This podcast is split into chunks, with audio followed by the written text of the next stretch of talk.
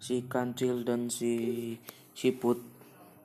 Suatu hari angin berembus semilir-semilir, membuat penghuni hutan mengantuk. Begitu juga dengan si kancil. Untuk mengusir rasa kantuknya, si kancil berjalan-jalan di hutan sambil membung, membusungkan dadanya. Sambil berjalan, si kancil berkata, siapa yang tak kenal si kancil?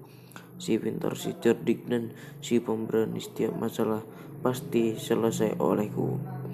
Ketika sampai di sungai, si kancil segera minum untuk menghilangkan rasa hausnya. Air yang begitu jernih membuat si kancil dapat berkaca.